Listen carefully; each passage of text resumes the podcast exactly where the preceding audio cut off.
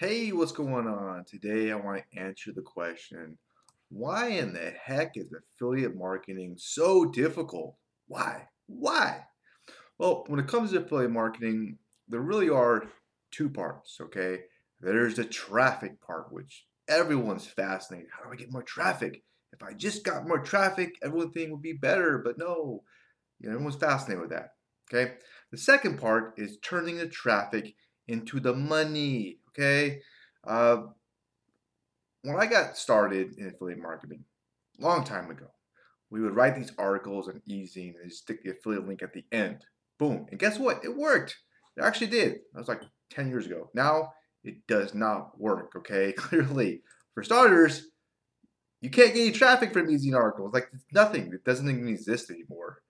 Uh, the internet landscape has changed. It will always change. Now it's TikTok, right? Everyone's talking about TikTok, TikTok.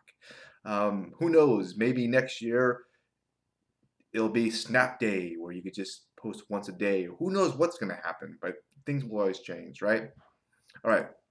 So that's the first part is you need traffic, okay? Uh, the second part is probably a whole lot more important whole lot, not a little bit, a whole, whole lot, whole lot. Okay, and uh, this is turning the traffic into money. Okay, it's kind of valuable, just a little valuable, right?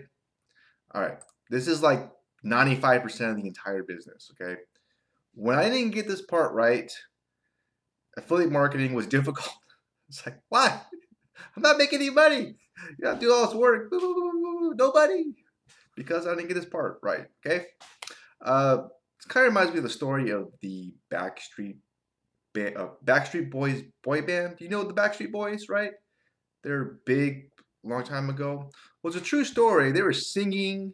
They were having all these girls going, "Oh my God, Backstreet Boys!" going crazy over them. They're getting all this traffic, right? Lots of traffic. Lots of eyeballs were on them, right? And guess what? Um, the problem was their manager was pretty much stealing all the money. He was getting all the money. The Backstreet Boys barely made money, like just a tiny bit.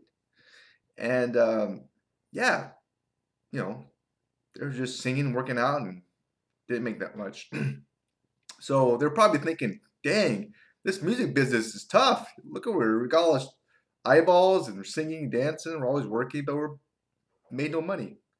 What they needed to do was stop focusing on the traffic the attention, the eyeballs, and focus on the back end of the business, which is big. They need to figure out how to get that part fixed and, you know, the money trail, right?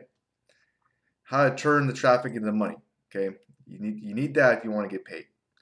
Uh, okay. So in business, there's the marketing department and there's accounting. There's the creative part. And then there's the boring shit nobody wants to focus on, which is kind of important the accounting part. So you need both. Both are important, okay? All right. So you might be wondering, well, how the heck do I figure out how to turn this uh, attention, this traffic, this eyeballs into money? How do I do that? And what I did, which was a big mistake, was think I could figure things out on my own. I went and bought an autoresponder and I was figuring out messages and trying to figure things out on my own. I just wasted so much time, money, energy. What I should have done was find someone who's really good at that and just get help. just ask for help, you know? That's what you do. that's, that's not rocket science. You find someone who's really good at what you want to get good at and you learn from them. Okay, very targeted. See, boom. Um, so that's what you want to do. That's the easy way, getting help, the right help. Okay? Humble yourself to that person, uh, like Baby Yoda. I would learn from Baby Yoda. This isn't like Baby Yoda, like a big holiday deal this holiday season. Disney dropped the ball, so all these private people are making Baby Yodas and trying to sell them. Anyways, the good news is, um, you know, a while ago I got tons of traffic. I just like the Backstreet Boys, boys band, boy band but I struggled with the money part. Uh, now that I got that part fixed, the back end, the sales funnel, guess what happened? My income went up. Yeah. I mean, it's no, it's, it completely makes sense. No brainer.